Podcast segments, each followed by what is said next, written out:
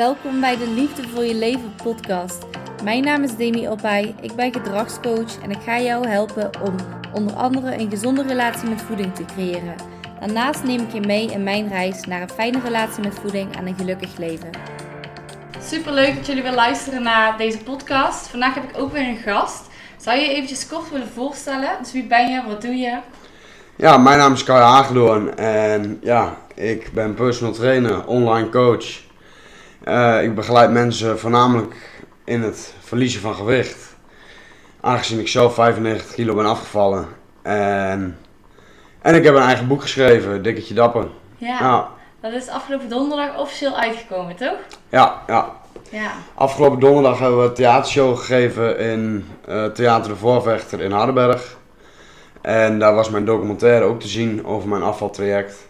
Die, uh, ja, die hebben we opgenomen vanaf halverwege het traject. Zijn we daarmee begonnen met het opnemen van die documentaire. En uh, ja, die was te zien en we hebben een theatershow gegeven en, en de presentatie van mijn boek was. Ja, dat is een hele mooie dag voor jou. Ja, ja zeker. Ja, dat was een hele mooie dag. En wat, wat heeft ervoor gezorgd, of hoe ben je eigenlijk bij het idee gekomen om een hele documentaire te maken, om een boek te schrijven en een theatershow eraan te koppelen? Ja, ik ben begonnen met het maken van die documentaire. Ik ben begonnen met het schrijven van mijn boek. Uh, omdat ik, ja, ik had heel veel vragen over mijn verleden, noem maar op. Waar dingen door kwamen en waarom sommige dingen niet goed liepen. Uh, waar sommige gedragen van mezelf ook wegkwamen, maar ook van anderen. En ja, toen ben ik mijn boek gaan schrijven eigenlijk, ja. En de allereerste zin die ik ook schreef was, ja, waarom? Ja, dat is misschien heel gek, maar uh, dat was het allereerste woordje wat ik opschreef. Ja, vanuit daar ben ik verder gaan schrijven. En schrijven, schrijven, schrijven. En eigenlijk is het pas later echt tot mij doorgedrongen van ja, waarom schrijf ik hier geen boek over? Omdat ik een hele lappe tekst had staan over een heel aantal dingen.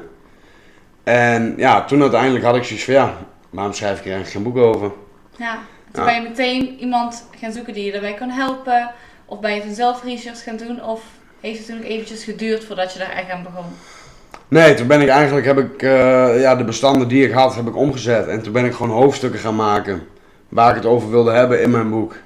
Verleden, toekomst, ja, eigenlijk alles. Eigenlijk alles neem ik hier mee. Ook, um, ja, ik heb zelf best wel een bijzonder verleden. Ik heb speciaal onderwijs gezeten. En ik heb in een obesitaskliniek gezeten toen ik 14 was, een maand lang. En ja, je, hebt ze bij suicidaal geweest. Ik heb ja, je hebt zoveel meegemaakt in zo'n traject. En de hele tijd heb ik al wel begeleiding gehad, vroeger ook op jongere leeftijd al. En ik heb al die verslagen van vroeger uit er ook allemaal bijgepakt, ja, om te kijken van ja, hoe of wat. Nou, en uiteindelijk ben ik wel achtergekomen waar voor mij ja, de grootste clue lag, zeg maar. Ja, waar, waar was dat? Voor mijzelf heeft het te maken met uh, ja, een trauma en, uh, ja, en mijn thuissituatie. Ja dat is voor mijzelf ja, wel mijn grootste punt geweest in mijn verleden, waardoor ik al mijn emoties eigenlijk weg had. Ja, dus eigenlijk echt emotie eten vooral, zou je zo kunnen zeggen. Ja. En kun je dan ook zeggen dat dat een emotie eten, dat het uiteindelijk een gewoonte is geworden? Of bleef het echt emotie eten? In welke zin bedoel je dat? Als jij heel lang eet vanuit emoties en je doet dat telkens in dezelfde situatie, op eenzelfde moment, dan wordt het uiteindelijk een gewoonte. En dan, um, ja, dan zit het zo van als gewoonte in je systeem. Dus dan is het niet meer per se vanuit emotie. Het is echt per se vanuit gewoonte. Ja, ik denk zelf eigenlijk ook wel dat het... Ja, het was sowieso een eetverslaving. Kijk, en ik heb genetische obesitas, dus het komt er ook nog eens bij kijken. Dat ik en geen gevoel krijg van verza uh, verzadiging, een trage vetverbranding heb en een trage schildklier. Ja. Die ook nog eens een keer. Ja, en je denkt gewoon non-stop de hele dag door aan eten.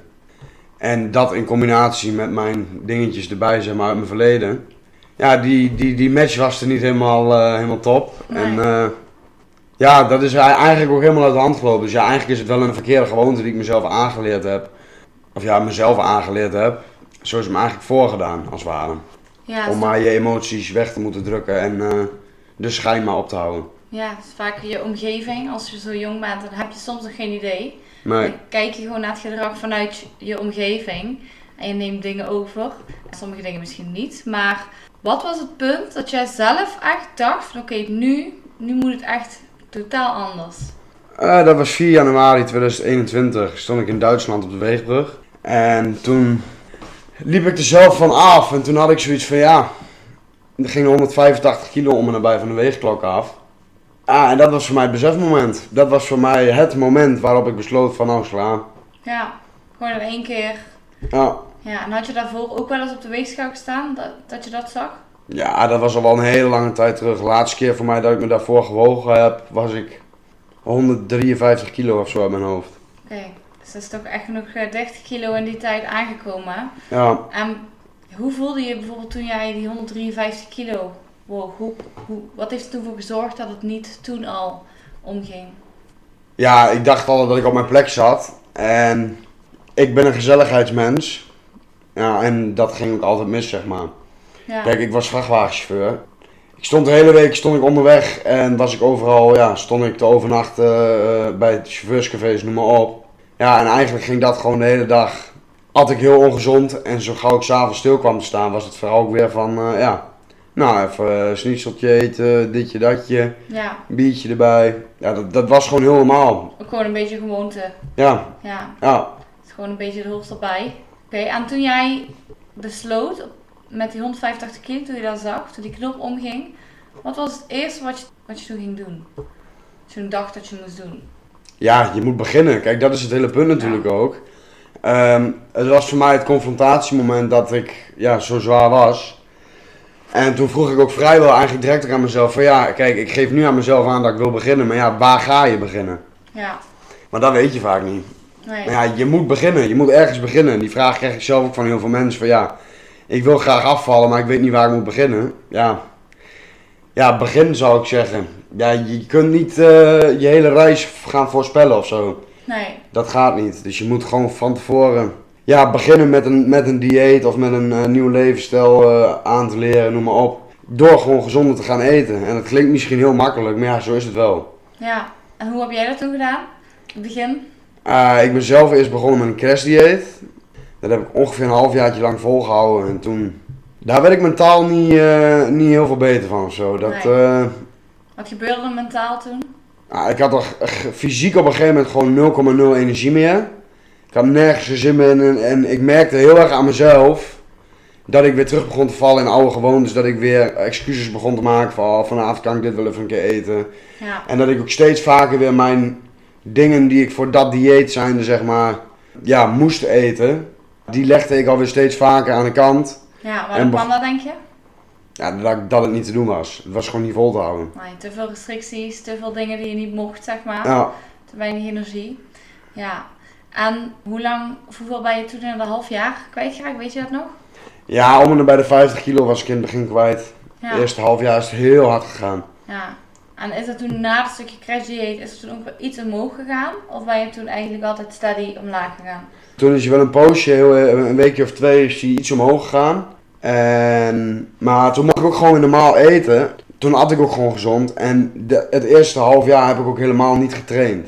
Niet. Nee, nee. Ik deed echt alleen het crashdieet. En ik trainde daar ook niet bij. Trainde je daarvoor wel ooit? Of ook ben je toen echt pas daarna begonnen? Ja, ik heb vroeger wel tennis en voetbal en eh, eh, karate, eh, noem maar op, allemaal gedaan. Maar dat fitness had ik nog nooit echt gedaan. Wel eens bij een ziekenhuis of zo, zeg maar, van eh valbegeleiding uit van, vanuit een, eh, ja, een instantie of zo. Maar nee, echt fitness had ik nog nooit gedaan. Nee. Nee.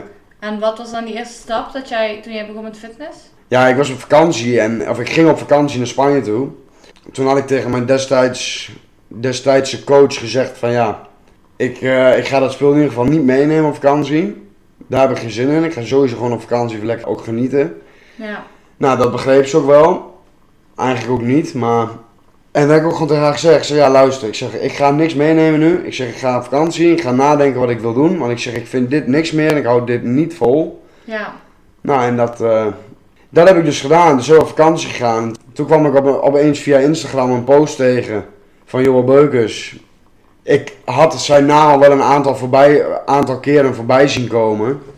Alleen ja, de, die link had ik zelf nooit gelegd, zeg maar. Want ja, dat was voor mij toch niet haalbaar, eh, dit en dat. Nee. Afgetraind lichaam. Totdat ik mezelf er ook weer ineens aan terug herinnerde van ja, mijn doel toen ik begon was ook letterlijk stop niet eerder dan dat ik een sixpack heb. En toen ik ineens die ingeving ook weer kreeg, terwijl ik op vakantie was, had ik ook ineens zoiets van ja, waarom doe ik het eigenlijk gewoon niet? Ja. Dus toen heb ik op vakantie dat pakket besteld. Het, eh, het afslankpakket. Ja, en toen kwam ik thuis. En toen was het er en eh, toen ben ik begonnen. Ja, en toen werd het voor mij allemaal een heel stuk makkelijker. En toen ging je zelf in het afstappakket, wat moet ik me daarbij voorstellen? Nou, je krijgt gewoon een voedingsschema, op, ja, een voedingsplan krijg je. En je krijgt, ja, je krijgt een trainingsschemaatje erbij. En, eh, ja, en wat supplementen. Oké. En trainingsschema, ehm, zonder dat je ervaring had met trainen, of was je toen wel als naar de gym geweest? Nee, toen was ik nog niet naar de gym geweest, maar ik ben... Ja, je, je kon in de, in de app zijn en kon je dingen zien, zeg maar. En op de website stonden ook wel wat dingetjes. Alleen het trainingsschema heb ik zelf gewoon van de sportschool gevolgd. Toen Ja. ik daar me aangemeld heb. Ja. En, zo doen. en hoe, hoe, hoe was de eerste paar keer trainen? Hoe was dat voor jou? ja, ik wist niet wat ik te deed. Nee. Ik, ik had echt geen idee wat ik daar aan doen was. En ik voelde me ook heel erg bekeken. En ja, er kwamen ook wel een aantal mensen op me af die gewoon zoiets hadden van, oh, goed bezig, dit en dat. Ja, natuurlijk ook wel een aantal bekenden die zoiets hadden van, wat doe jij hier? Zeiden En- ze dat? Ja, ja, ja. Ja. Ja, want ze verwachten het niet. Nee. Maar datzelfde toen ik die shakes kocht. De allereerste shakes die ik haalde bij de Jumbo, die heb ik bij de Jumbo gehaald. Die, die, die Crest die heet shakes. Ja, die vrouw die keek mij ook aan. Toen- Ik was toen 185 kilo. Ja, stond ik daar met een paar van die bussen afslankshakes eh, bij de Jumbo. Ja, die vrouw Ja. die keek me natuurlijk ook aan. Die denkt van nou, jij bent al wel plan jongen. Nou, ik wilde haar natuurlijk eigenlijk ook eh, ja, gewoon vertellen wat ik wilde gaan doen. Maar ik had ergens ook zoiets van ja, ik kan beter gewoon mijn mond houden en gewoon mijn, mijn ding gaan doen. Ze ziet het wel. Eigenlijk. Ze ziet het wel. Als ze je nog herkent. Ja. Maar ehm, qua trainen, zeg maar, hoor je dat nu niet heel vaak van anderen. Dat ze zeggen van, ik voel me altijd bekeken in een sportschool. Ik heb het gevoel dat andere mensen naar me kijken. Of Ja, iedereen ja. naar me let. En wat vind je daar nu van? Als mensen dat zeggen? ja, confronterend. Ja. Want je hebt het eigenlijk zelf, je hebt het zelf meegemaakt. Ja, en je weet ook wel hoe dat voelt. Alleen ja, wat ik zelf wel nu heel erg heb. Doordat er achteraf mensen naar mij toe kwamen die mij in het begin van, mij, van mijn gevoel, want dat is ook het ding, hè, je doet eigenlijk een aanname. ja, dat bedoel ik dus. Ja, Want, want hoe weet je zeker dat die mensen echt naar je kijken, zeg maar? ja, dat weet je niet. Voor Nee. hetzelfde geld kijken ze je aan en denken ze van zo zo, die jongen die is goed bezig, die eh, gaat, gaat ervoor. Precies. Maar ja, dat weet je niet. En dat zeg ik zelf ook wel tegen mijn eigen. Ja, heel grappig wel dat je dit ook aanspreekt. Maar tegen mijn eigen coach als klant ook wel. Van ja, dat is het hele punt ook. Je doet Ja. een aanname. Ja, en wat dan nog? Stel, ze, ze kijken wel naar je en ze vinden wel wat van je. Vind jij nooit iets van een ander? En wat als jij iets van die ander vindt? Ben je daar vijf minuten later nog steeds mee bezig? Nee. Nee. En daarom mensen zijn, eh, ik zeg altijd, mensen zijn toch egoïstisch. De meeste mensen zijn daar lekker voor zichzelf, zijn met zichzelf bezig. Misschien kijken ze een keer, misschien hebben ze een oordeel, dat zal best. Maar vijf minuten later zijn ze alweer, zijn ze alweer vergeten. Ja. Ze, hebben, ze zijn niet de hele dag met jou bezig. Daarvoor Nee. is iedereen te egoïstisch. En dat is het grappige, want heel vaak beginners in de sportschool hoor je dus precies datzelfde zeggen wat jij net benoemde. Ik voel me echt bekeken of ik heb het gevoel dat iedereen naar me kijkt. Terwijl heel veel mensen denken dat. Ja.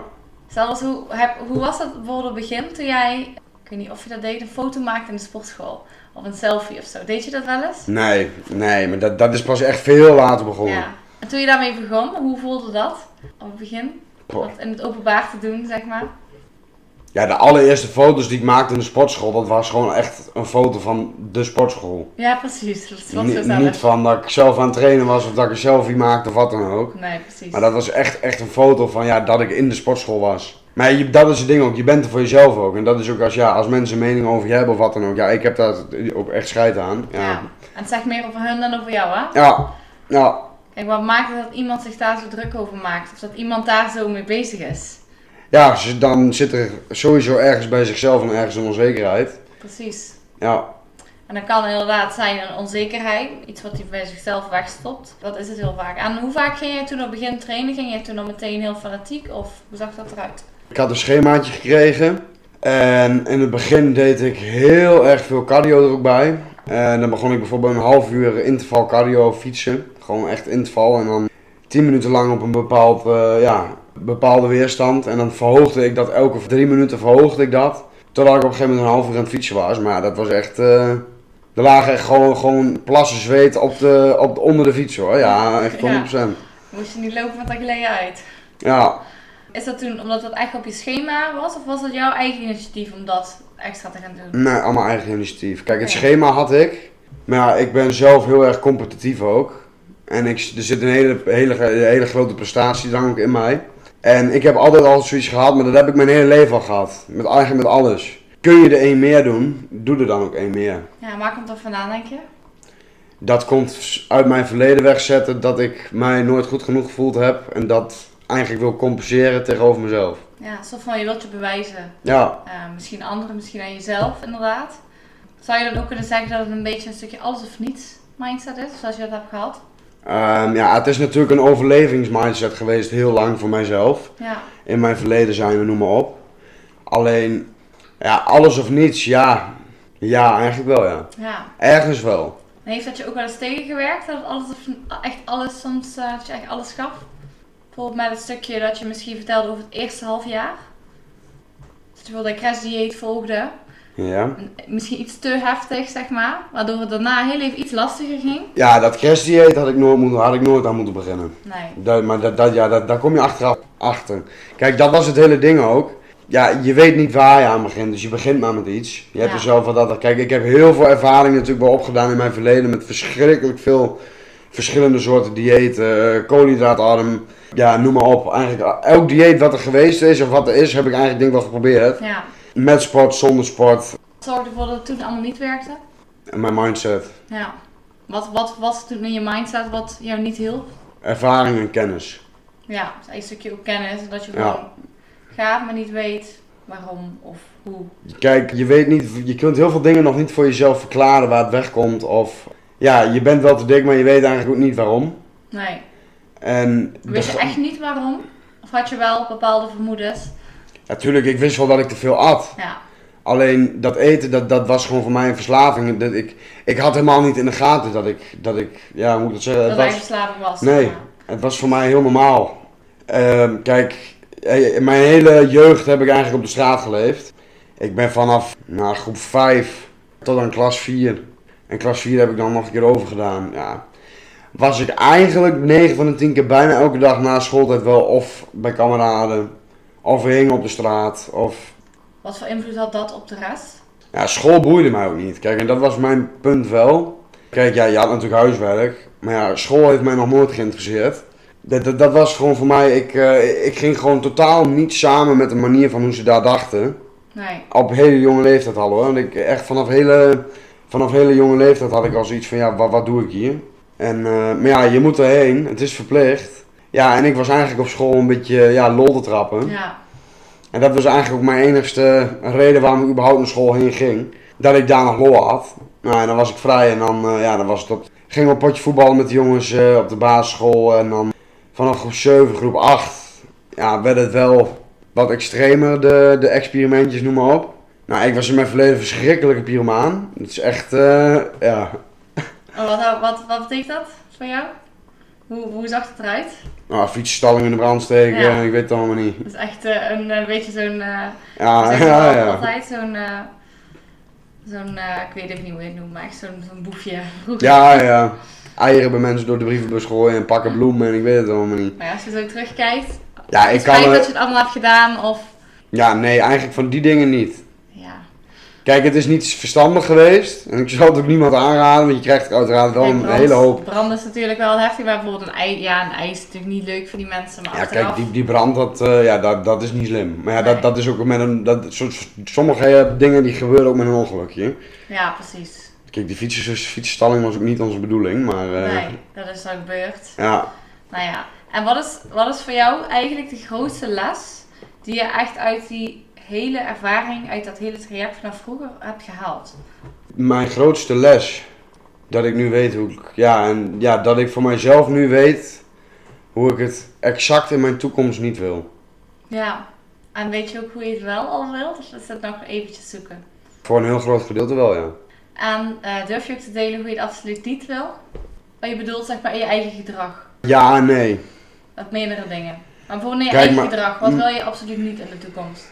Het afreageren. Ja, En ja, ik kan nu zeggen het impulsieve, maar ja, dat vind ik eigenlijk ook wel leuk aan mezelf. ja maar in ieder geval het impulsieve ehm, misschien iets, iets meer controleren. Op een leuke manier, impulsief. Ja, Dus ja. je weet wanneer je, wanneer je impulsief kan zijn en wanneer je iets bewuster moet nadenken, zeg maar. Ja. Ja, want impulsief is natuurlijk spo- spontaniteit. Dat er ruimte is voor spontaniteit. Maar ja, daar komt mijn ADHD ook wel weer om kijken. Precies. Het is wel een, eh, Ja, dat is wel weer een mengelmoesje, zeg maar. Dus dat is voor mij wel moeilijk. Ik ben en impulsief en ik heb ook, eh, ja... Het is nooit vastgesteld dat ik het niet heb, maar... Dat, dat, ik het heb, zeg maar. Dat is nooit echt vastgesteld, maar er zijn vroeger wel onderzoeken naar gedaan. Nou ja, ik kan heel eerlijk zeggen, ik heb zelf allemaal die testen gedaan. Ik heb het ook. Jij zal het ook wel, wel hebben, maar zeg maar het zijn een aantal vragenlijsten, een aantal testen die je moet doen. Dus niet dat, dat ze testen door bloed of weet ik veel wat. Mhm. Dus ja, het is ook een beetje een grijs gebied, vind ik zelf. Ja, dat vind ik ook. Ehm, Dus ja. En het boeit mij ook niet. Nee. Het maakt mij ook niet uit. Ik denk zelf eerder dat als je ADHD hebt, dat je iets in je hebt zitten wat een ander niet heeft. En dat je die kracht beter kunt gaan gebruiken. Ja, dan dat je erbij eh, bij stil gaat zitten. Jezelf eigenlijk de stempel op het hoofd drukt van nou, ik heb ADHD, ik kan niks. Nee, precies. Dus je wilt, het, je wilt het vooral niet onderdrukken en doen alsof je ineens heel rustig moet zijn. Maar je kunt natuurlijk wel inderdaad leren omgaan met je gedrag. Hoe je bijvoorbeeld anders reageert op dingen. Hoe je meer rust kunt ervaren in je hoofd, zeg maar. En dat zijn dingen... kijk, de ene is heel erg introvert. Heeft ook de andere... Wij zijn iets meer extravert, denk ik. Nou, ik ben een beetje beide. Beide, ja. Soms ligt eraan waar je bent, misschien, omgeving. Oké, en wat is in ieder geval de grootste les die je echt uit jouw echt afvaltraject hebt gehaald? Het crash dieet stukje. Het crashdieet stukje. Ja. Dat je daar niet aan moet beginnen. Nee, Ja, dat is voor mij heel makkelijk. Ja, Ja. nee, eh, Om duidelijk te zijn voor heel veel mensen. Want ik denk dat heel veel mensen toch nog de neiging hebben om te gaan crash diëten. Wat, wat zijn de nadelen van crash diëten? flauwvallen. Extreme. Ja, ik heb zelf wel eens gedacht dat ik dood ging. Echt. Op het einde stond ik gewoon af en toe dan stond ik op. En dat heeft dan ook met laag bloeddruk eh, vaak ook te maken. Dan stond ik op en dan, eh, ja, dan moest ik echt maken dat ik, eh, dan moest ik echt maken dat ik bij de muur kwam, bijvoorbeeld. Anders flikker ik gewoon neer. Gewoon, anders gewoon buiten bewustzijn. Dus Ja, ja, ja, dat, ik werd gewoon helemaal zwart vermogen. Ja. Gewoon in één keer. Dat was heel eventjes, misschien 10 minuten of zo. En daarna was het ook wel weg. Alleen, of 10 minuten, 10 seconden. Dat is wel lang, 10 hoor. minuten is wel, eh, wel heel lang. Ja, je krijgt niks binnen. Dus op een gegeven moment ga je ook gewoon futloos voelen. En eh, je, ziet, je ziet er overal nut niet meer van in. En van ja, waar- waarom ben ik mezelf dit eigenlijk ook aan het aandoen? Ja. Want zo begint het op een gegeven moment echt te voelen. En natuurlijk afval is sowieso, dat gaat, dat gaat ook nooit makkelijk worden. Nee. Kijk, eh, iemand die je verkoopt dat afvallen makkelijk is, dat, eh, ja, dat is sowieso niet waar. Ja, nou, ja het, het, het, het ligt er heel erg aan, zeg maar. Hè? Als bijvoorbeeld ehm, per persoon, dat is hoe ik het zie, per persoon bijvoorbeeld in één keer bij iemand gaat de knop om. En sommige mensen hebben bijvoorbeeld echt gebrek aan kennis. Ja, En bij sommige mensen, wat ik ervaren heb, is het gewoon echt, ze, ze denken echt dat ze het goed doen, terwijl het, het niet zo is. En als ze een paar, paar dingetjes qua kennis opdoen, dan denken ze van, oh, maar als ik dit eerder wist, ik vind het eigenlijk heel makkelijk. Nou, kijk, Ja. dat zijn andere gevallen. Eh, voor sommige mensen bijvoorbeeld met eetbuien kan super moeilijk zijn, maar je hebt ook andere mensen die hebben bijvoorbeeld een oorzaak omdat ze te weinig eten, omdat ze geen structuur hebben, routine of wat dan ook. Nou, een paar kleine aanpassingen en je kunt het, dan is het misschien voor hun al makkelijk, hebben ze nooit meer eetbuien. Maar inderdaad, voor, voor, het, het is niet altijd makkelijk. En ook niet als jij het een keer makkelijk hebt gehad, wil het niet zeggen dat het de volgende keer ook makkelijk is. nee, kijk, afvallen is, ja, afvallen is niet makkelijk. Het is ook niet moeilijk. Maar ja, het draait vooral om welke keuzes maak je. En Ja. daar, daar moet je heel scherp in blijven, naar jezelf ook. Hoe zou je het makkelijker kunnen maken? Door te relativeren, elke dag. Hoe doe jij dat dan? Eh, elke dag, ja, nou doe ik het wel meer. Nog, nog steeds wel hoor, maar nou wel minder. Maar toen echt, echt diep in mijn afvaltraject was ik gewoon elke dag aan het eind van de dag bezig met hoe was vandaag. Waar ging het mis? Wat kan er morgen beter? Kijk, en hou apps bij. Hou echt van die, waar, waar je eten in kunt trekken, je calorieën in kunt trekken, noem maar op, waar je je macro's er nou in kunt zien. Daar moet je echt bij gaan houden. Want het is gewoon zo, hoe meer jij ermee bezig bent, met afvallen, en hoe gefocuster jij bent op jouw doel, en of dat nou 3 kilo is of eh, eh, 6 kilo, o- of je hoofddoel zeg maar van 85 kilo naar de 100 toe, want dat was wel mijn hoofddoel. Blijf jezelf, ja, eh, blijf, blijf alle acties die je doet relativeren. En vraag jezelf ook af, beweeg ik ook naar mijn doelen toe met de acties die ik laat zien? Je kunt van alles willen en je kunt van alles zeggen en dit en dat, maar je moet het ook doen. Ja, precies. En dat, dat, dat merk, ik zelf, ja, merk ik zelf nu wel heel erg bij sommigen. Ze willen het wel, ze zeggen het wel dat ze het willen, maar ze doen het niet. Hey, en waar komt dat denk je? Ja, onzekerheid. Angst voor die terugval. Want eigenlijk zijn mensen, die, dat, mensen plannen hun terugval. Ja, en hoe, hoe doen ze dat dan? Ze gaan er eigenlijk al vanuit dat ze het niet gaan halen. Oké, dus ze moeten eigenlijk inderdaad eerst even vertrouwen hebben Ja, dat het kan. Eh, en daarna vanuit vertrouwen bewegen in plaats van uit angst. ja, het zo zegt. ja. Oké, en wat, bijvoorbeeld, wat zorgt er nog meer voor dat mensen wel doen? Of wel willen, maar dat het niet lukt bijvoorbeeld? Dat bepaalde acties, dat ze dat gewoon niet voor elkaar krijgen? Nou, kijk, die spelen natuurlijk een heel aantal rollen. Met, er kunnen een heel aantal rollen meespelen met hormoon, eh, eh, noem maar op.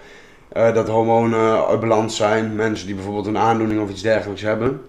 Kijk, dat is natuurlijk ook een punt. Nou, kijk, ik heb zelf genetische obesitas. Dat zie ik zelf niet echt als een excuus meer. Hoe is dat, hoe is genetische obesitas, hoe is dat bepaald? Hoe, Dus DNA, ja, ja. hoe- wat zijn daar de gevolgen van? Is dat alleen een trage schildklier of zijn er nog een aantal andere dingen? Ik krijg geen gevoel van verzadiging. Oké, nog steeds niet. Nee. Als je hier nu een hele tafel voor me eten zet en ik ga echt snel eten. Het is wel iets wat je, waar je aan kunt werken dan? Nog. Nee, Dat is echt... dat gaat nooit veranderen. Oké, en dat is in de familie zit dat dan? Ja, dat is eh, gewoon genetisch bepaald en dat is genetisch erfelijk. Oké, Mijn, eh, ja, meerdere familieleden van mij hebben het ook, waaronder ook jongere familieleden. Ja, dat was aan mij om die cirkel eigenlijk te doorbreken. Want eigenlijk is het van, die, van, van de kant van de familie waar het wegkomt, van mijn vaders kant, is eh, ja, vijf eh, ja, 85% eigenlijk ook veel te zwaar. Kijk, je zou heel veel mensen zouden waarschijnlijk denken van genetische obesitas, daar kan ik er niks aan doen. Je zegt ik heb nu geen excuses meer. Wat voor advies, of wat zou je willen zeggen tegen die mensen die denken van het zit in de familie? Of ja, je kunt er zeker wat aan doen. ja, Maar dat is wat ik eigenlijk net ook al wel zei. Wat ik, ja, laat in jouw acties ook zien dat je naar je doel heen wilt bewegen. Kijk, als je elke dag 5 of 6000 of 8000 calorieën blijft eten, ja, dan ga je het in ieder geval niet halen.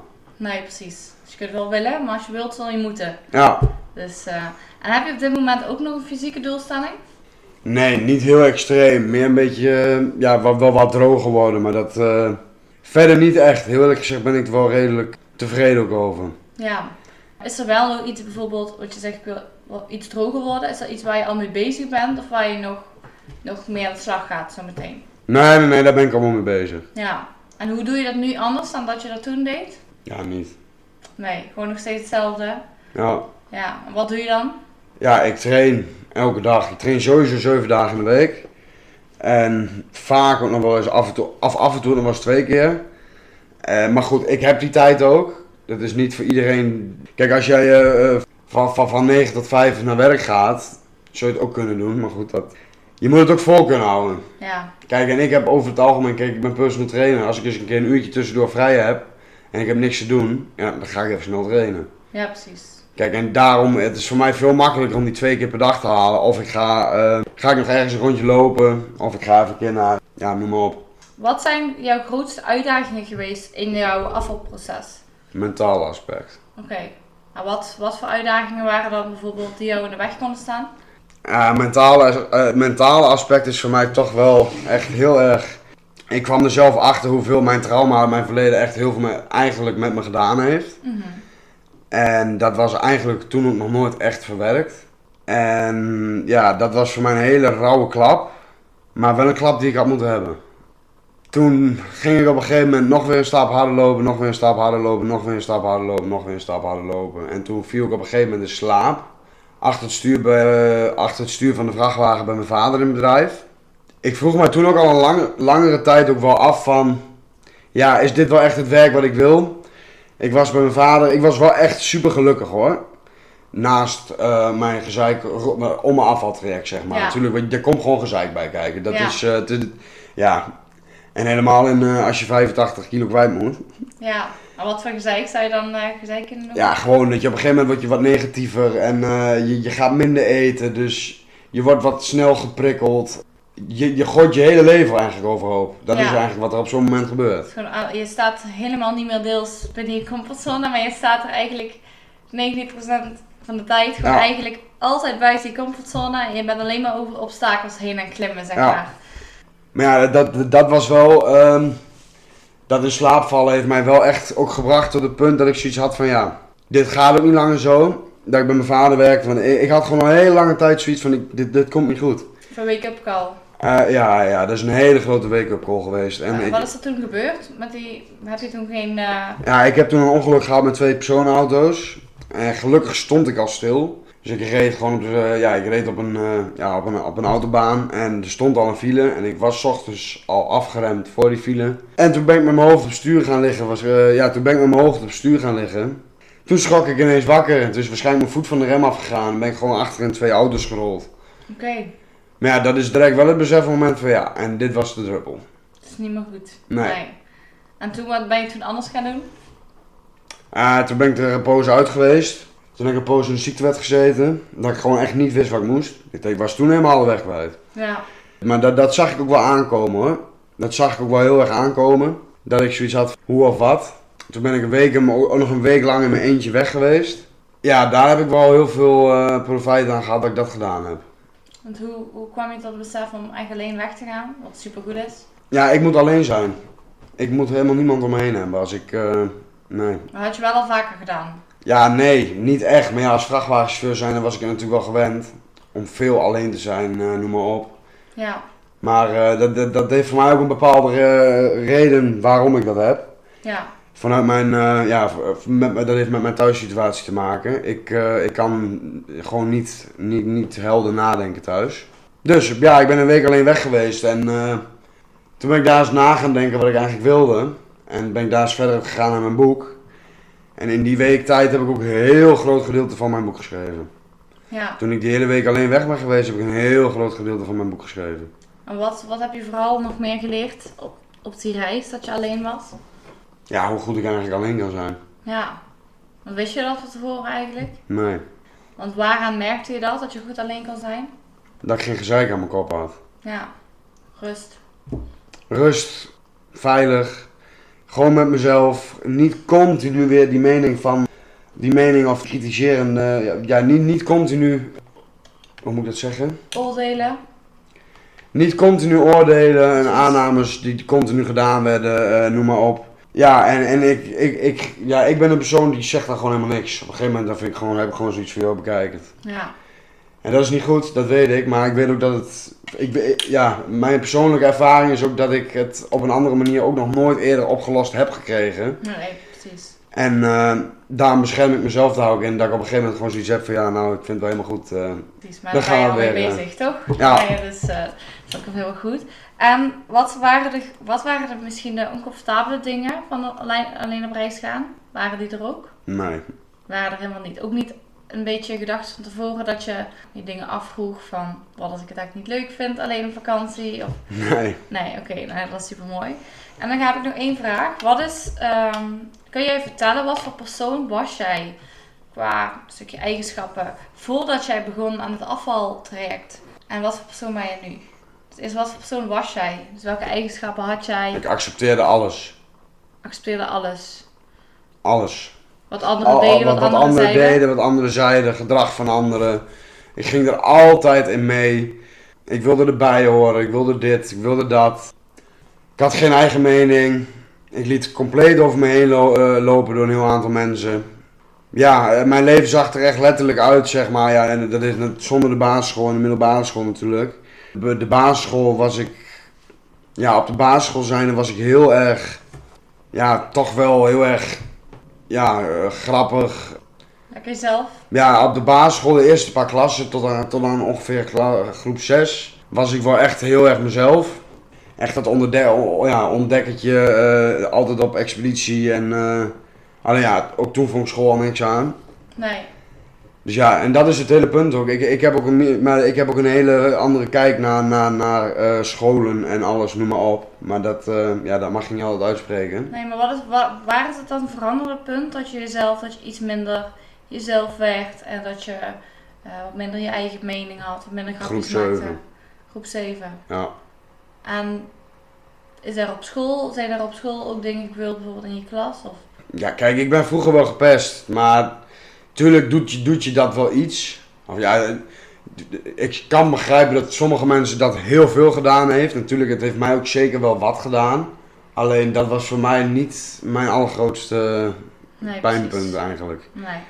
Ik kon vroeger, en nog steeds kan ik het heel goed af met mijn mond.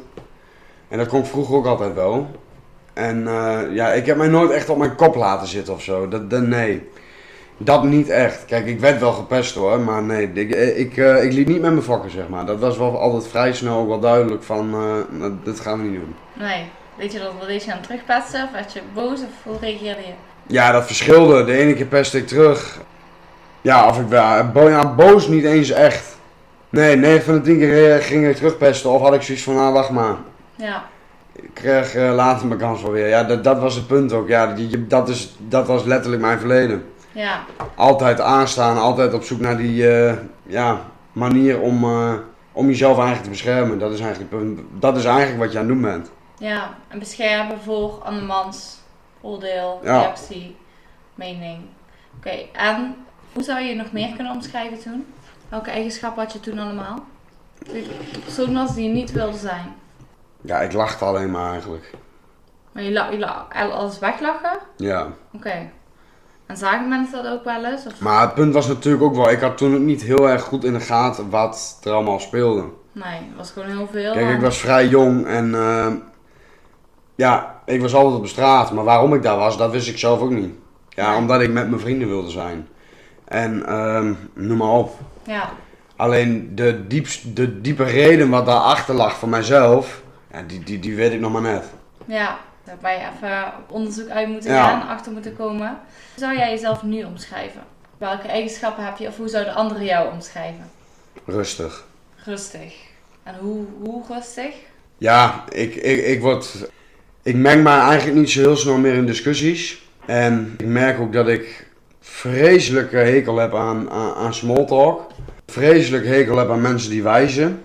Een vreselijke hekel heb ik aan mensen die eh, ehm, ja, praten over niks.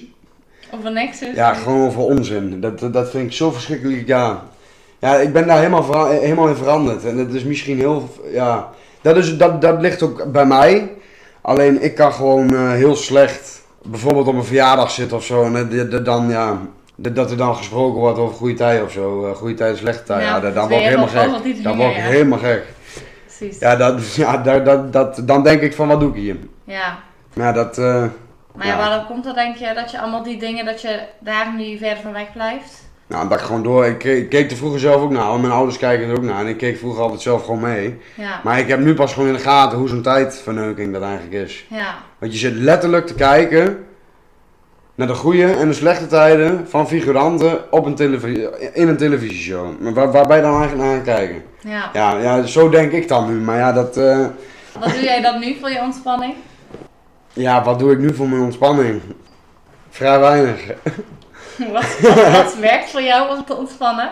Ja, dat weet ik eigenlijk. Ja, vissen. Maar ja, dat, eh, Doe je niet elke dag? daar gun ik mezelf eigenlijk de tijd ook niet voor. Nee, waarom niet? Ja, waarom niet? Dat is echt de prestatiedrang die in mij zit. Dat, eh, Je wilt alleen maar door met je business of met je... ja, Oké, dus en hoe voel je je als je bijvoorbeeld een eh, dagje vrij pakt door de week? Stel je zou dat doen en je zou daar niks voor werk gedaan hebben. Hoe zou je je dan voelen daarna? ja, maar voor mijn gevoel heb ik dat vaak genoeg. Ja, oké. Dus zoals Ja. vandaag ook. Vandaag doe ik eigenlijk ook helemaal Ja. niks. En waarom zou je dan bijvoorbeeld voor andere dingen wel de tijd maken en voor iets wat je eigenlijk heel, heel fijn vindt om te doen, vissen niet? Ja, nee, ja, ja, nee, weet niet. Ik hou daar ook...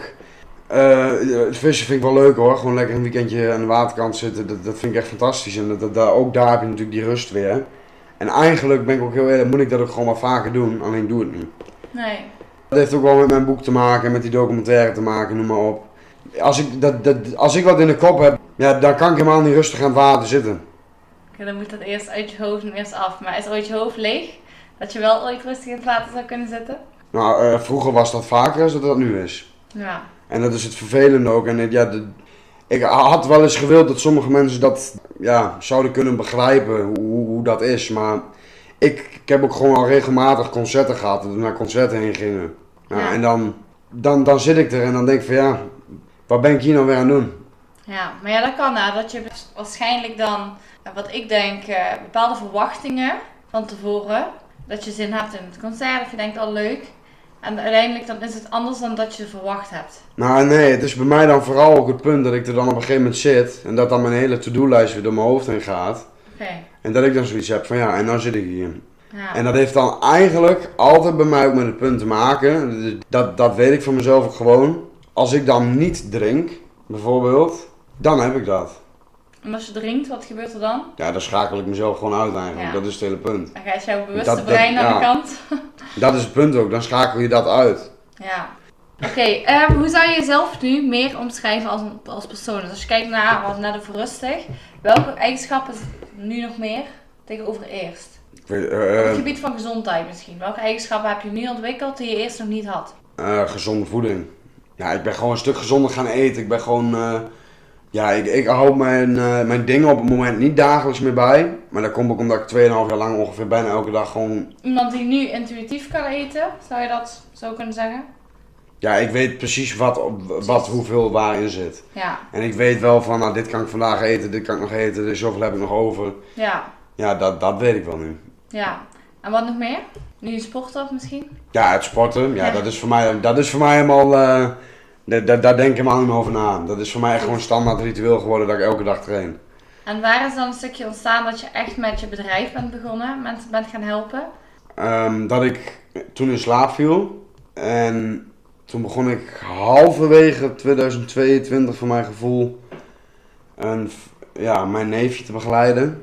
Daar kwam ineens vanuit die intentie kwam bij mij ineens van ja, ik vind het eigenlijk misschien wel heel erg leuk om mensen te gaan begeleiden. Ja, die eigenlijk altijd het, eh, ja, die, die het net zo moeilijk hebben met hetgene waar ik altijd heel erg veel last van heb gehad. Ja, En toen ben ik eens gaan zoeken en eens gaan denken. En hoe gaan we dit nou eens beginnen? En hoe gaan we starten? Nou, het is sowieso weer het punt. Gewoon starten. ja, precies. Ja, dat, dat is gewoon het hele punt. Maar dat, als je niet start, dan komt er ook nooit wat. Nee, Maar ja, de- ik ben toch gewoon begonnen. En eh, ja, nou, dan krijg je je eerste klantjes hier en daar. En, eh, maar ja, ik heb zelf een hele duidelijke visie waar ik heen wil. Ik weet, ex- ik weet exact waar ik heen wil. en waar wil je heen? Ik wil voor mijn werk reizen over de hele wereld. En inclusief dat ik tegelijkertijd mijn werk zowel online als fysiek kan doen in de zin van trainingskampen. En ik wil veel rijden. Veel rijden? Ja, gewoon rijden. Gewoon, Gewoon gewoon rijden. van bijvoorbeeld dat ik dan een maand in Nederland ben en dan weer een klus heb in Amsterdam en dan weer in Eindhoven en dan daar weer en dan daar weer. Dat wil ik voor mezelf uiteindelijk gaan creëren. Ja, precies. En heel ver in de toekomst zou ik uiteindelijk een soort kliniek in de, ja, of in Nederland of ergens in het buitenland willen hebben. Met echt een gespecialiseerd team. Ja, Waarin je echt mensen met ja, van allerlei uiteenlopende problemen helpt. ja niet specifiek uh, obesitas of iets anders, maar Nee, echt eh, ja, eh, verslavingszorg eigenlijk in het Ja. algemeen. precies. Ja, Dus kan gedrag zijn, kan eten zijn, kan andere verslavingen kunnen er Ja. zijn. Wat wil je graag nog delen over, het, over je boek? Waar kunnen mensen het vinden? Wat, wat Ehm. kunnen ze eruit halen? ja mijn boek 150 kilo naar een sixpack, dikketje dapper, eh, is te bestellen op eh, mijn website kaihagedoorn.nl. Ja, wat kom ik tegen in mijn boek? Ja, eh, we gaan relativeren door middel van een zes stappenplan. Van ja, hoe gaat je dag? Wat, kun, wat, wat, wat moet je doen? Hoe moet je doelen stellen? Leer je van fouten? En wees ook niet bang om die fouten te maken. Nou ja, dan neem ik je eigenlijk ook mee natuurlijk in mijn, ja, mijn verhaal vanaf mijn basisschool. Waarin ik ja, ook een afscheidsbrief schreef op een gegeven moment dat ik gewoon helemaal klaar was met mijn leven. Dat was ook eindgloed, ze- eindgloed 7 volgens mij uit mijn hoofd. Die heb je ook in het boek staan. De afscheidsbrief zelf niet, nee, nee, die is er niet meer. Nee, Die is er helaas, helaas is die er niet meer. nee. Maar ja, ja, de obesitaskliniek natuurlijk. Ja, mijn mentoren. Afvallen. Wat daar zo moeilijk aan is en hoe je daar ja, beter in kunt worden. En hoe je beter kunt worden in een heel aantal andere dingen. Hoe ik het volhield. Ja, en dat je toch ook wel de lat moet gaan verleggen. Maar ook, eh, ja, wat ook heel belangrijk is voor mij. Is toch ook wel mijn nieuwe missie die ik eh, nu heb. Ik ben zelf twee eh, operaties ondergaan. aan mijn buikwand en aan mijn borst. voor het overtollige huid. Ja, En het is gewoon bijzonder. Ik heb een heel aantal gesprekken gevoerd met verschillende jongeren, ouders van jongeren, kinderen. Ja, en ja, dan komt eigenlijk weer de echte KA gewoon een beetje opzetten. Die strijd voor gerechtigheid en die het gewoon niet normaal vindt hoe er met sommige mensen om wordt gegaan. En Dat, dat, dat, dat, ja. En dan zegt de zorgverzekering heel lekker makkelijk dat, eh, dat het mentale vlak niet meetelt in, eh, in de beoordeling van eh, de vergoeding. Maar ik heb gewoon letterlijk tegenover Jochie gezeten van, van, van 14 jaar, van 16 jaar en eentje van 17 jaar. En weet ik hoeveel ouderen, va- vaders, moeders, noem maar op, dat er gewoon een jochie van 14 aan mij vraagt, huilend en al, die 40 kilo is afgevallen, zijn ouders hebben geen geld, die weet gewoon niet meer wat hij moet. Hij heeft al meerdere keren aangegeven dat hij op deze manier niet verder wil leven. Zijn ouders hebben het geld er niet voor om het bij elkaar neer te kunnen leggen. Dus, oftewel, er wordt contact opgenomen, het hele traject wordt in gang gezet en op een gegeven moment zegt de zorgverzekering, in andere woorden, bekijk het. Ja, en daar ga ik gewoon niet meer akkoord. Wat, wat zijn die, weet je wat die kosten ongeveer daarvan zijn? Ja, Minimaal? ik ben zelf 14.000 euro kwijt. Voor die operaties alleen. Ja, het heeft mijn, mijn afvaltraject heeft mij letterlijk alles gekost. Ja, Het is wel echt eh, bizar dat dat... eh, ja. En hoe, hoe, hoe, zou jij, hoe zou jij dat kunnen of hopen te veranderen, denk je? Nou, de eisen moeten sowieso realistischer worden. De eisen zijn nu maar op. Het wordt volledig vanuit, vanuit het basispakket wel vergoed als het medisch is. Dus dat houdt in als je onhandelbare smetten hebt, als er sprake is van ernstige verminking of als je last hebt van huidplooien. Maar ja, dan vraag ik bij mijzelf op een gegeven moment ook af, als ik mijn eigen foto's terugzie, plus mijn verhaal dat ik 95 kilo ben afgevallen, ja, plus de foto's van mijn overtollige huid, noem maar op. Ja, wat noemen we dan ernstige verminking? Ja, Als ik in de spiegel kreeg, zag ik iemand die zichzelf een ernstige verminking vond. Fysiek en mentaal. dus het is echt, ze hebben het eigenlijk heel vaag. Waardoor het Ja. niet echt duidelijk is wat ze ermee bedoelen. En dan kunnen ze heel snel zelf kijken. Nee, wij vinden het niet ernstig genoeg. Nee, en ik vind het ook gewoon bijzonder. Je werkt er keihard voor. Ik heb zeven keer nieuwe kleren moeten kopen. En het gaat mij ook helemaal niet om het geld. Dat geld, dat, dat dode rotgeld Maar boeit ja, mij helemaal niks. Als je, het niet, als je bijvoorbeeld niet hebt, of inderdaad als jij 14 bent, dan kun je het zelf nog niet betalen. Le- Denk ik, de meeste 14-jarigen. Nee. En ja, als je het afhankelijk bent van je ouders en die kunnen het niet voor je betalen, dan is het wel echt... eh, Dan heb je wel echt een serieus Ja. probleem. Heb, En je nog, heb je nog gehoord van die jongen wat hij gedaan heeft uiteindelijk? ja, uiteindelijk hebben ze een, eh, verschillende acties opgezet. Qua geld verzamelen, noem maar op. Toevallig wordt hij morgen eh, geopereerd. Oké. Die jongen is nu 16. Nou, die, is- die is dik 40 kilo kwijt. Toen ik het eerst contact met hem kreeg, was hij 14,5. Ja, dat, dat, dat, ja, ik ken die jongen dan toevallig ook en die komt, eh, is, ja, dit is weer een heel verhaal, concurrent, noem maar op. Maar ja, de, de, ik kan dat gewoon niet, eh, ik kan er ook niet met mijn kop bij hoe, hoe ze daar, eh, Nee. die jongen die, eh, die had ook gewoon, eh, die, die was helemaal de weg kwijt. En, eh, en ook in mijn documentaire zie je ook verschillende specialisten aan het woord komen. Waaronder Van Bergman Clinics en eh, Steven Hustings, dat is mijn eigen kinderarts. Die mij vroeger begeleid heeft in, eh in de obesitaskliniek. En die, die hebben ook gewoon feiten en ervaringen en verhalen van kinderen die het voor elkaar weten te krijgen op een hele jonge leeftijd. En dan hebben we het over tussen de 12 en 22 bijvoorbeeld. Ja, niet dat ik nog een kind of jong ben, maar ja, ik ben nog wel jong. Maar ja, wat is jong hè? Maar ja, maar ja dat is ook wat is jong. Maar eh, daar gewoon echt verhalen van dat die kinderen zoveel afvallen. Dan vervolgens horen dat ze het niet vergoed krijgen. Zichzelf vol met afschuw aankijken in de spiegel. En wat op een gegeven moment dan gaan ze weer, gaan ze weer eten.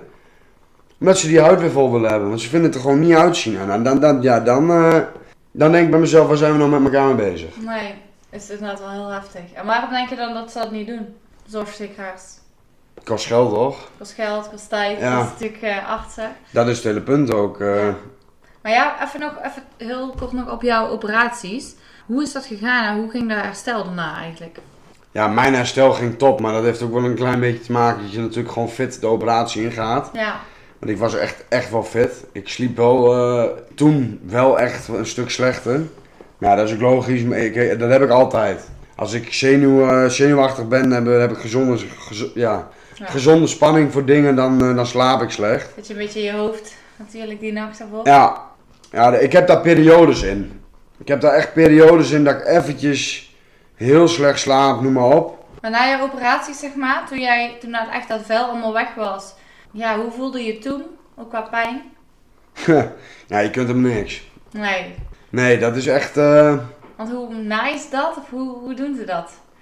Ze halen ze snijden, weg, zeg snijden het gewoon open en dan snijden ze er een stuk af. Ja. En dan trekken ze met Oh. ja, spanning naar beneden toe. En ze, ja, ze hechten het weer dicht. Ja. Ja, en je hebt, ja, ja, je hebt twee, de, twee stappen. Je doet hem in twee etages, zeg maar, de operatie. Je hebt eerst de ik had eerst de buik en daarna de borst. Ja, en met de buik kon ik mijn benen niet bewegen. Oh nee, met mijn buik moest ik heel veel met mijn armen doen en kon ik niks met mijn buikspieren doen. Nee, want je kunt niet echt spanning erop Nee. boosten of zo, denk ik Ja, wel. dat was allemaal eh, ster- sterker nog. Ik lag eh, in het ziekenhuis. Toen was ik net geopereerd. En toen lag er een vrouw naast mij, die was schade-expert. Ja, dat, is dan, dan ben ik weer. Waren we allemaal net geopereerd, lag er zo'n hele zaal vol met allemaal mensen die geopereerd waren. En de ene natuurlijk voor de, voor de ogen en de andere voor de buik, noem maar op. Maar eh, toen vroeg ik nog helemaal onder de invloed van eh, de narcose ook aan haar van, ja, wat, eh, wat nou, mevrouw, wat is de schade op dit moment? En toen lachten er een heel aantal, een heel aantal mensen, die lachten daar in die kamer. Ik zie was er. Maar eh, ja, daar konden we allemaal direct wel merken dat we dat niet moesten doen. We hebben direct, wel teruggefloten dat het echt gewoon, dat vernam niet direct. Echt direct. Want zij was de schade-expert. Wat? Zij was voor werk, Ja. was de schade-expert, maar ze lag nou naast mij, ja, een bed naast mij. Ja. En zij viel toen continu af en toe, ja, half weg, zeg maar. Ja. En eh, Sorry. toen op een Maar gegeven Jij zit onder narcose, dus jij bent helemaal... ja, maar ik ben ook zo, zo, ik ben zo ook hoor. Ik ben heel droog. Ik ben verschrikkelijk droog. Behandeling narcose maakt het net nog wat lolliger, zeg maar. Ja, ja. Ja. Maar wat zei ze toen? Ja, ze moest lachen en toen ja, was het daarna ook direct allemaal van, oh, oh, ja, dat we pijn hadden. Ja, precies. En, ehm, maar ja, ik was zelf, ik ging dus best heel erg fit die operaties ook in. Ja, en ik had zelf, ik kom weer op dat punt aan. Ik had zelf alweer die mindset van, ja, ik mocht eigenlijk zes weken lang niks doen. In ieder geval niet trainen. Nou, daar, daar was ik het sowieso al niet mee eens, maar goed, dat, eh, Heb je het toen niet gedaan? jawel, jawel. Na anderhalve week train ik alweer. Ja, dat wel. Ja. Ja. En waren daar geen nadelige gevolgen van? Die je daaraan hebt? Nee, ik heb echt geluisterd naar mijn lichaam. En ik heb echt ook geluisterd naar van ja, wat, wat geeft mijn lichaam aan? En als die dingen aangaf of in de zin van ja, doe even rustig aan nu. Stopte ik ook gewoon of Ja. deed ik het rustiger. En ik ben gewoon heel langzaam begonnen. Eerst eens met lopen en daarna eens met fietsen. Eh, de dingetjes die ik kon doen. Ik moest zo'n eh, zo'n zo'n compressieband om. Ja, en, en op een gegeven moment ben ik gewoon weer langzaamaan begonnen met trainen. En toen ging het eigenlijk weer... eh, Gewicht steeds een beetje meer omhoog. Beginnen heel erg met laag gewicht, veel herhalingen. Want niks, niks doen kan ik helemaal niet. Nee. Maar dan, eh, nee. En hoe keek je naar jezelf in de spiegel na de operatie, toen je al even hersteld was, tegenover daarvoor? Ja, dat, die, dat, dat is heel bijzonder. Ja. Tuurlijk, jij bent in het begin eerst wel zoiets van ja, wat gaat dit überhaupt nog worden? Want je hebt Ja. natuurlijk een verschrikkelijk grote wond waar van alles omheen gepakt zit, noem maar op. Maar ja, daar zie je nou haast niks van weer. Dus het is nu gewoon allemaal redelijk weer bijgekleurd en het wordt alweer witter en noem maar op. Ja. Dus ja, dat is wel, eh, ja, wel, wel echt heel bijzonder. Mooi om te zien. Had je ooit verwacht dat dat zo goed zou kunnen herstellen? Nee, ja, het duurt over het algemeen zeggen ze ook vijf jaar totdat het helemaal hersteld is. Maar ja, je bent nog jong hè, dan die vijf jaar. Ja, ja, dat is ook wel mijn ding hoor. Waarom ik op een gegeven moment ook zoiets had van ja, ik ga het nu doen. Want ik ben nu nog jong. Ja. En het is voor mij nu ook een afsluiting geweest voor mijn traject. Ja, eigenlijk een beetje, een, hoe moet ik het zeggen? Ja, een soort stempel van, nou, het hebt dit nu ook gedaan. Ja. Nou moet je jezelf ook aan gaan houden. ja. En hoe ga je ervoor zorgen dat je nooit meer terugvalt? Ja, in ieder geval eh, daar zelf voor zorgen. En ehm, doen wat goed is voor mij. Ja. En nu weet je wat goed is voor jou. Ja. Ja. Oké, ehm, dan wil ik nog één ding vragen om het even af te sluiten. Wat is de tip die je graag zou willen geven aan de luisteraars die zelf ook struggelen, ja, struggelen met afvallen? Of krachtige uitspraak heb je voor eh, die luisteraars? Start vandaag, niet morgen. Besef jij wel wat voor kracht je eigenlijk binnenin je hebt zitten. Als je hem juist en correct gebruikt. Ja. Nou, dus doe zeker wat met Advies van Kai. Waar kunnen de ehm, luisteraars jou vinden? Ehm, ja, mijn Instagram is Kai TM. En ja, mijn boek is te koop op uh, kaihageloon.nl. Dat zit eigenlijk ja, mijn coachingsbedrijf. Dat is dageloonmentaliteit.nl. Wat kunnen mensen bij jou verwachten van je coaching? Voeding wordt allemaal uitbesteed aan eh BGR en gewichtsconsulenten. Vera van Gezond voor jou op maat. Vera neemt het hele gedeelte van de voeding op zich. Dus daar eh, ja, is zij mee bezig. Eh, we hebben een meditatiegedeelte in ons, eh, in ons ja, pakket zitten. En daar hebben we, dat is ook opgenomen in ons portaal. Ja, training en mindset, discipline. Als je het moeilijk hebt. Maar ja, het allerbelangrijkste, maar ja, dat ken jij ook, is toch ook het openstellen van de klant zelf naar de coach. Ja. Van ja, wees eerlijk waar je tegenaan loopt en over de dingen waar je moeite mee hebt. Maar ja, eerlijk zijn, zodat dat gaat met heel veel dingen wel het allerbelangrijkste. ja, want anders kun je niet helpen natuurlijk. Nee, Dus eh, je kunt Kai vinden op eh, Instagram zijn website. Ik zal eventjes in de beschrijving de linkjes toevoegen. Dan weten jullie ook waar jullie boek kunnen bestellen. En eh, kunnen jullie zijn Instagram vinden. Mochten jullie vragen hebben, mogen ze jou een berichtje sturen. zeker. Ja, dus Altijd. jullie mogen me altijd een berichtje sturen. En dan wil ik je bedanken voor deze podcast en je openheid. Ja, En jij dan, bedankt. eh, dan, eh, ja, doei doei.